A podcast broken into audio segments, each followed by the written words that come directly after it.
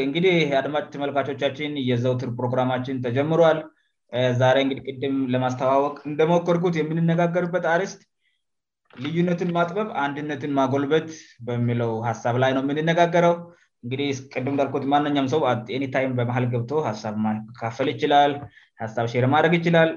እንደገና ደግሞ ኮመንት ማድረግ ይችላል በየሚዲያዎቹ ላበቴሌግራምም በፌስቡክ እና ሀሳብን በደንብ ማንሸራሸር እንችላለን እና ወደ ዛሬው የውይይት አጀንዳዎቻችን ሲንገባ የዛሬው በሁለት መልክ ነው የተዋቀረውበሁ መልክ ነ ያዋቀርኩት የመጀመሪያው ፓርቲ ላይ የጀመሪው ክፍል አንድ ላይ በችግሮች ላይ ብቻ ነው ፎስ የምን ደርገው ምን ምን ችግሮች አሉ በሚለው ጉዳይ ላሁለተኛው ክፍል ላይ መፍትች ላይ እናተኩራለን ማ ችግር ብቻ ንሄድም መትችን ጭምር እናሳያለን ስለዚህ እንግዲህ አንድነትን ማጎልበት ላይ ነው የምንነጋገረውእና ልዩነቶችን ማጥበብ በምለው ጉዳይ ላይ ነው ምንነጋገረው ና ምናልባት ይ ነገር ይሄ አርስት እንዲነሳ ያስፈለገበት መሰረታዊ ሀሳብ ምንድንነው ምናባት እስካሁን ድረስ በኮንሶ ውስጥ በተደረገ የተለያዩ አይነት የፖለቲካ እንቅስቃሴዎች ውስጥ አንዳንድ መቃቃሮች የተወሰኑ ልዩነቶች ተፈጥሮዋል ብለን እና ምናለን ይ መነሻ የሚሆንልን እና እነዚህ የተፈጠሩ ልዩነቶች Eh, በኛ የምነት በብዛት eh, አንድል የተደረጉ የተቀረፉ አሉእስርሚቀጥብየናስበበጥበማስበውና eh, እነዚህ ልዩነቶችን ግን መቀጠል ያለባቸው ጋር ስወውወይንጠጥሎቆየት ያለባቸው መረት መቅ አለባቸውና እንደት አድርገን ነው ልዩነቶችን አጥፍትን ወደ አንድነት የምንመጣወይምደግሞ ወደ ንሽ ጥበበ ልዩነት ምንፈጥረው ን ስናደርግነውየጉይ ላይነ የምናነው ማለት ነውእና የመጀመሪያው ሳባን ያቄችን የሚሆነው እስካሁን በኮንሶ ዞሆን የተደረጉ የእርቅና የሰላም ኮንፈራንሶች ምን ያህል ውጥታማ ናቸው የሚለው ሀሳብ ነው ማለት ነው አሁን የምናነሳ እስሁን ኮንሶ ውስጥ ብዙ ይነት የእርቅ ፕሮራ እንደተደረጉ እንሰማለን በተለያየ ይነት መንገድ የሰላም ኮንንሶች ተለያዩ ይነት ፕሮራሞች መደረጋቸውን እናስሰውላለን እነዚህ ፕሮግራሞች ግን ውጥጣማ ናቸው ወይ አይደለም ምን ያህል ውጥጣማ ናቸው ዛ ውጥጣማ አይለም ከተባለ ምንድን ነው እየጎደላቸው የለውእና እንት መሆን አለባቸውእንግዲህንትመሆን አለባቸው የለው በኋላ ላይ እናንሳለምንድጉዳጎቸው ነገር ላይ ሀሳብ እንሰጣለን ማለት ነው ምናልባት አሁን የተዘጋጀው ጋይባ ይመስለኛል በጣም ሬዲዮ ሆነ እየጠበቀኝ ነው ጋይባስ በዚህ ጉዳይ ላይ የራስህን ሀሳብ ብታካፍለን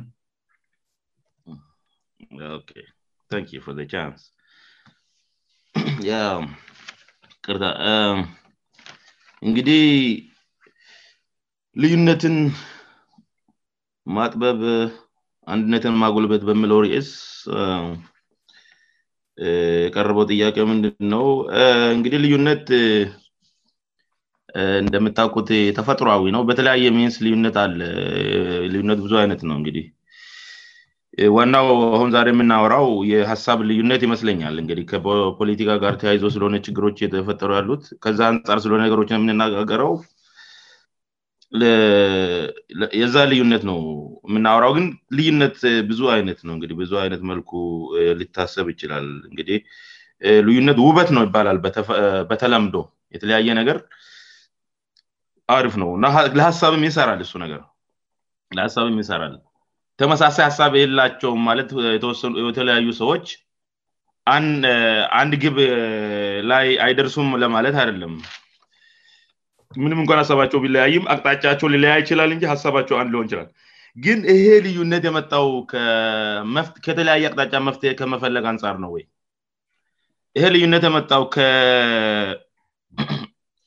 ከጥላቻ ነው ወይ ልዩነት የሚመጣው እንግዲህ በዚህ አይነት መልኩ ቢድ ቢካሄድ እ የምናስበው ውጠት እናገኛለን ወይም ሌለኛው ደግሞ በዛኛው በሌለኛው መንገድ ብንሄድ እንደዛው ይነዳለን የምል ነገር ሊሆን ይችላል አንዱ ጥሩ ነገር ሲያስም እና በጥሩ መልኩ ስናገር አንደኛውያን ነገር ወይም ሰውየውን ስለማይፈልገ ብቻ ወይምሰውየውን በሆነ ምክንያት ስለጠላ ብቻ ሀሳቡን በጥላቻ እንድመለከት ሊሆን ይችላል ማንት ነው ልዩነቱ እና ከዚህ ውስጥ እንግዲህ ዋናው መያዘ ያለብን የሀሳብ ልዩነት ላይ መስማማት እንዳለ መረዳት እንዳለብን ነው የምንነጋገረው ማለት ነው ስለዚህ ከመጀመሪያ ሀሳብ ስንነሳ የዛረውን ውይይት እስካአሁን በእኛ ዞን የተደረጉ እርቅ ሰላም ኮንፍራንሶች ምን ያህል ውጥተማ ናቸው የሚለው ነገር ነው መስለኝ ሀሳቦቹ ሀሳቡ ከዛ ነው የምንጀምረው እና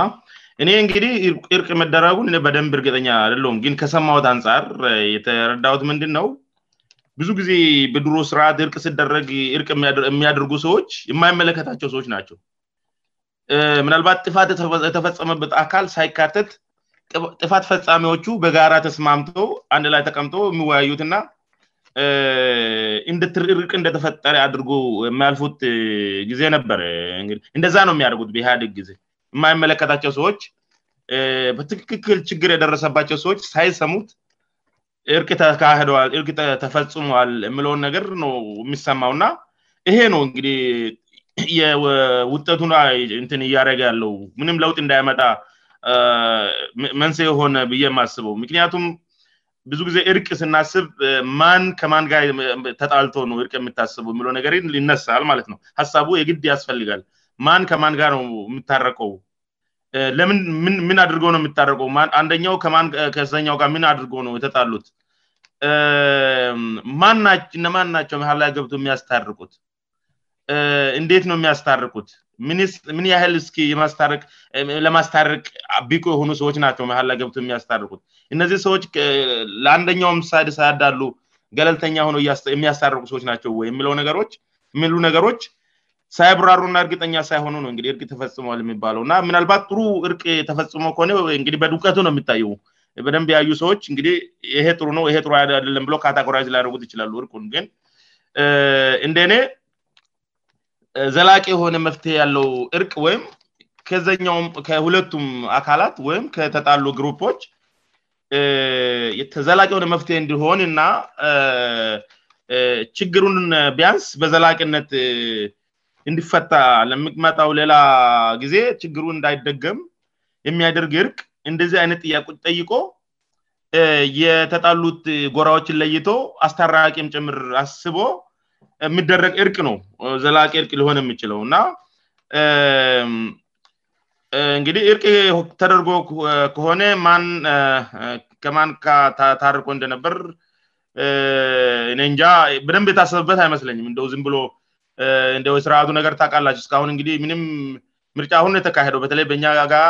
ማን አሸናፈ ንለ ብዙ ችግሮች ስለነበሩ ምንም እንኳን አሁን በነገሮቹ ግልጽ በሆኑም በቅርቡ የድሮ ስርዓት ነው ዲህ የተቀየሩ ሰዎች አሉ ተቀየሩ ሰዎች እዛ ውስጥ አሁን ያሉ ሰዎች ምናልባት እንደ ድሮ ሰዎች አድርገን እነሱ ላንከሳቸው እንችላለን ግን የነበሩ ሰዎች ስርአቱ አንድ ነው ያሉ ሰዎች ናቸው የእነሱን ሰዎች ስርዓት ነው እያስቀጥሉት ነገቡ ሰዎች ስለዚህ ምንም ከድሮ የተወረሰየርቅ ስርዓት ነው ብዬየማስበው ከዚህ በፊት የነበረው እና በዚህ ምክንያት ይመስለኛል ችግሮቹ እየተስፋፉ ነው የመጡት ምናልባት ይሄ ነገር ሲታስብ እንደኒ ህዝብ ላይ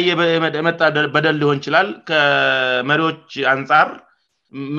ህዝቡ ማግኘት የነበረበት ነገር ሳያገኝ ቀርቶ ወይም የተበደለው ነገር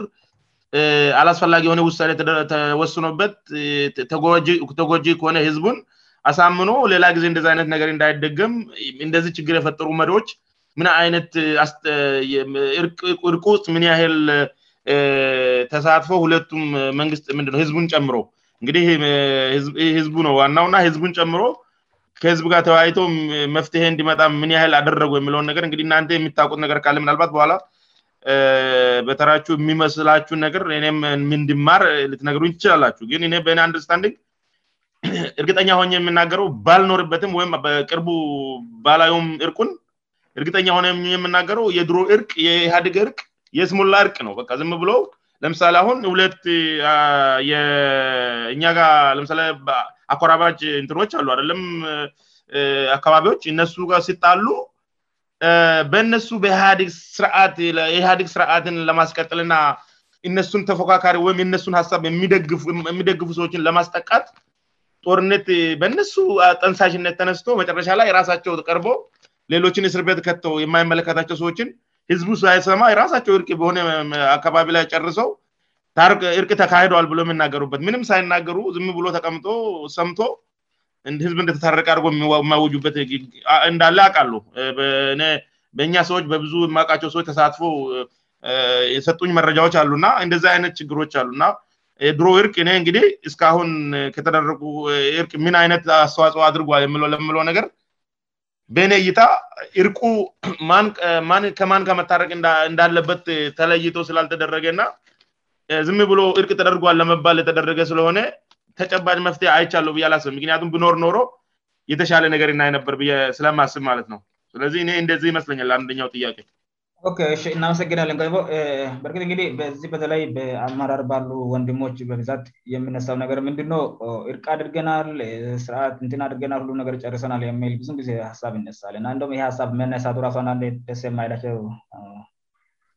ወገኖች አሉእና እነት ሶእቅ ተፈጽሞ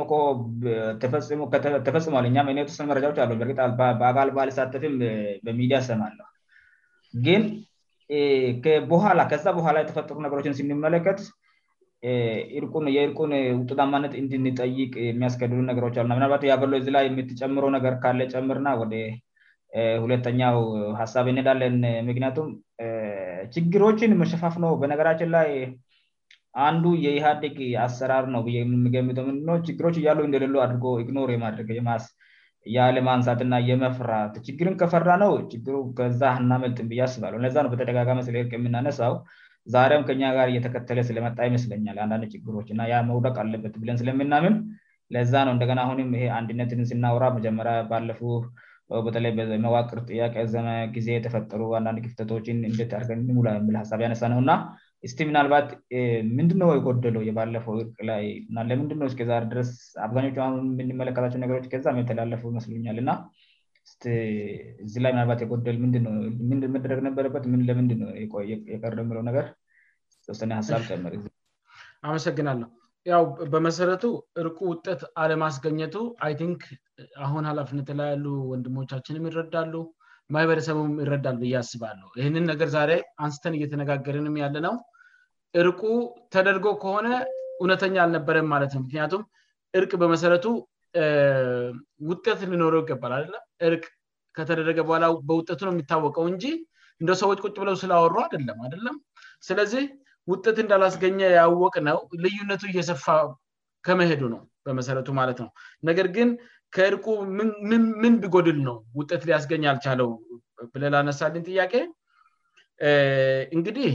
እርቅ ምለው ነገር የሚመጣው መቼ ነው ግጭት ስኖር ነው አደለም የሀሳብ ልዩነቱ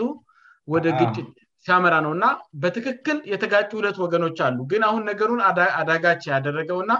እርቁንም ምናልባትም በኮንሶ ምድል ከተለመደው ለየት ያለ እርቅ እንዲፈልግ ችግሩ ለየት ያለ መፍትሄ እንድፈልግም ያደረገው የሚመስለኝ እርቁ በህዝብና በመንግስት መካከል መሆኑ ነው በዛን ጊዜ ግጭቱ በተፈጠረበት ጊዜ በአንድ በኩል መንግስት ነው የቆመው በአንድ በኩህዝብ ነበር ቆመ ዞሮ ዞሮ ህዝብ ውስጥም ሰዎች አሉ የህዝብን ሀሳብ ሽ የሚያደረጉ የመንግስትን ሀሳብ ደግሞ ሽ የሚያደረጉ የመንግስት ላፊዎች የምንላቸው ሰዎች ነበሩ ስለዚህ ምናልባትም በኮንሶ ታሪክ እንግዲህ ይሄ አዲስ ነገር ሊሆን ይችላል መንግስትና ህዝብ ሲጋጅ ከዛ በፊት ተደርጎ ላይ ይታወቅ ይችላል የተወሰነ መንደርና መንደር ልጋጭ ይችላል ቀበለና ቀበለ ልጋጭ ይችላል ያ ደግሞ የራሱ ስርዓት አለው ማህበረሰቡ ከኖረበትንትን አንፃር የራሱ አካሄድ አለው የራሱ መፍትሄ አለው ነገር ግን አሁን ነገሩን ከባድ ያደረገው መንግስትና ህዝብ ተጋጩ ግጭቱ ደግሞ ሁላችንም የምናውቀው ነው መንግስት የታጠቀ ሀይል ነበረው አደለም የታጠቀውን ሀይል እንዲያው በየውሃ ጉድጓዱ ላይ ሰራዊት እያሰለፈ ይህ ነገር አንዳንዶች ውሸት ነው ይላሉ ግን እንግዲ ችግሩ የገጠመባቸው ቦታዎች አሉ ማለት ነው የወፍጮ ማሽኖች ላይ ሰራዊት እንደተደረጉ ይታወቃል ህዝብን ለማንበርከክ ማለት ነ ህዝብን በጉልበት ለመንግስት እንድታዘዝ ለማድረግ መንግስት ጉልበት ከመጠቀሙ አንጻር የእርቅ ሂደቱ በጣም ተወሳሰበ ማለት ነው አሁንም መንግስትን እርቁን እየመራ የነበረው እንዲም ትዝለኛል ባለፎ የመፍት ሀሳብ ጠቁመን አንዳንድ አሁን አላፍነት ላይ ካሉ ሰዎች መካከል አንዳንድ ቹ መንግስት አልነበረም በእርግጥ መንግስትና ሌላ አስተራቂ አካል ነው እርቁን የመራው አመራር አልነበሩም ብሎ ሚስ አንድሰ እንድያደረገኝም ሰው ነበር ንን ሀሳብ ከውስጥ ወስዶ መንግስት ራሱ በዳይ ሆነው እሱ ራሱ እርቁን ልመራ አይችልም ነው ያቀረበኩት ሀሳብ ማለት ነው ግን ያ ሰው ምንትን ያለኝ አመራር ያልኩ ስለመሰለው አመራር ያ ለ መኮንትንን የመራው የእርቅ ሂደቱን የመራው መንግስትና ሌላ አካል ነው ይለኛል እኔ ግን እያልኩለውት በደሉን የፈጸመው መንግስት ነው በደ የተፈጸመበት ህዝብ ነው ነገሩ ተወሳሰበ መንግስት የሚባለው በደፈናው እንትን ነ ማለት ነው ብላንኬት ብርድ ልብስ ሆነ ገብተዋል እዛ ውስጥ ግለሰቦች ለምሳሌ ሃላፍነት ወስደው ቴዛዝ ሰጥተው ችግሩ እንድከሰት ምክንያት የሆኑ ሰዎች መለየት አለባቸው በእርግጥ አሁን ላይ የመንግስት ሃላፍነት ላይ ላይኖሩ ይችላል የዛኔ ግን የሰሩት ጥፋት በመንግስት ላፍነት ስም ቢሆንም እንደ ግለሰብ ነው የሚጠየቁት በመሰረቱ መንግስት ውስጥ ሆነው ሙሉ መንግስት አደለም መቸም ጥፋተኛ የሚሆነ አደለም ጥፋት እንድፈጠር የማይፈልጉም ይኖራሉ የዛን እንኳን ያሁሉ ህዝብ ላይ ሲደርስና መቃቃሪ እየከፋ ሲሄድ ረባካችንን አናድርግ የምል ይኖራል መንግስት ውስጥም ማለት ነው ስለዚህ በጭሩ አንተ የጠየከኝ ለምድነውት ያላስገኘው ካልከኝ አንደኛ እርቅ ሂደት አለው በዳ የሚባላለ ተበዳ የሚባላለ ገለልተኛ አካል ነበረ ሁለቱም ሰዎች ቁጫ አድርጎ በትክክል ቅሬታ አቅራቢውም ቅሬታ ያገርባል ጥፋት ሰርቷል የተባለውም ጥፋቱን ከምን አንግል ይረደዋል ጥፋት ሰርቻለ ብሎ ያምናል ከአጠፋስ ለምንድንነው ጥፋቱን እንድጠፋ የተገፋፋቱ እንድፈጠር የተገፋፋበትን ምክንያት ያስረዳል ማለትነው በእሱ ላይ ተመስርቶ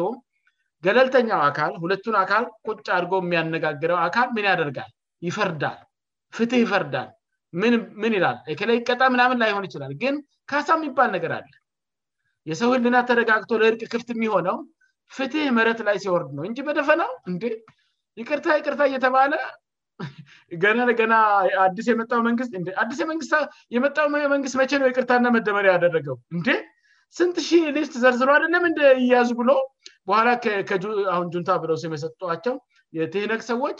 እያያዙ የተባሉ ሰዎችን አና ሲዝን ብሎ አደለም ወይ ወደ ጦርነት ሁሉ የሄዱት እንዲ በደፈናው ነገሮችን ማወሳሰብ የለብ ይቅርታና መደመሪያ ያለው መንግስት አይዲኦሎጂን የሚመሩ ሰዎች አሉ እነዛ ሰዎች ተጠያቂ መሆን አለባቸው ጥፋት ተሰሩት እነሱ ይፈለጉ ህግ ዳኛቸው የተቀረው ሰው ግን የነሱን ሀሳብ የተከተለው እሱ ነፃ ይሁን ማለቱ ነበር የሚመስለን የዛነ እናብይ ሀላፍነት ላይ ሲመጡ መደመር ፍቅር ይቅርታ የሚባሉትን ሀሳቦች ያወሩት ያ ማለት ግን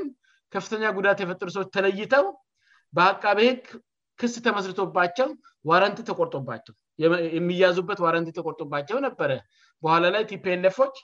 የነሱን አመራር አሳልፈን አንሰጥም ወደሚለው የገቡት ማለት ነው ስለዚህ ይሄ በደምብ ተለይቶ ሊታወቅ ይገባል የተጎዳ ና የጎዳ ሰው ተለይቶ ሃላፍነት መውሰድ አለበት በህግ መጠየቅ ያለበት አካል በህግ መጠየቅ አለበት አሁን ምንድን ነ የሆነው ቅድም እንዳልኳችሁ ለዚው መንግስት የራሱን ሰራዊ ተጠቅመ ህዝብን በጣም አጉላላ አሁን ደግሞ የመንግስት ዋና ፌደራል መንግስት ሲለወጥ ዘመኖ መደመር ነው ዘመረ ለውጥ ነው ሲባል እነሱ እራሳቸው ሰዎቹ ተገልብጠው በ ይቅር ትሉናላችሁ መጣ ይሄ ደግሞ ሰራዊት አሰልፈ ከጎኔ ለእርቅ ኮንፈረንስ ነው የመጣ ነው ብትል ሰውሊምን እንዲሆን ትፈልጋለ ከዚህ ቀጥቀጥ መከራ ያበላን ሰው አሁን ደግሞ ለእርቅ ብለ የመጣሁ በአንድ በኩል እንዴትስ ይቃወሟል እንዴትስ ይቃወሟል ከባድ ነኮ ስለዚህ ምድለው እያልኩ ያለት በአጭሩም እርቅ የሚባለው ራሱ ስርዓት እናካሄዳለው ለምንድነ ውጠት ያላስገኘው ብለው ሊያስቡ ይገባል እርቅ አድርገንል የምሉ ሰዎች እንኳን አሁን የምንናገረውን ሀሳብ እንኳን ምንልባት የሚቃውመው ይኖራሉ አደለም ሽ እንግዲህ ትክክለኛ እርቅ ከሰራችው እርቁ ለምን ውጠት አላስገኘም ብላችሁ ራሳችሁን ጠይቃችኋል ወይ ምክንያቱም እርቅ ውጤት አለው እርቅ እውነተኛ ከሆነ ውጤት አለው አሁን እውነተኛ አልሆነም የምንለው ነገርዬው ከተለመደ ወጣ ያለ መሆኑ መንግስትና ህዝብን የተጋጨው ከመንግስት ውስጥ የተጎዱ ሰዎች ማለት የቀርታ ከህዝብ የተጎዱት ሰዎች ተለይተው ጉዳ ተደረሰባቸው ተለይተው ጉዳታቸውን አስረድተዋል ወይ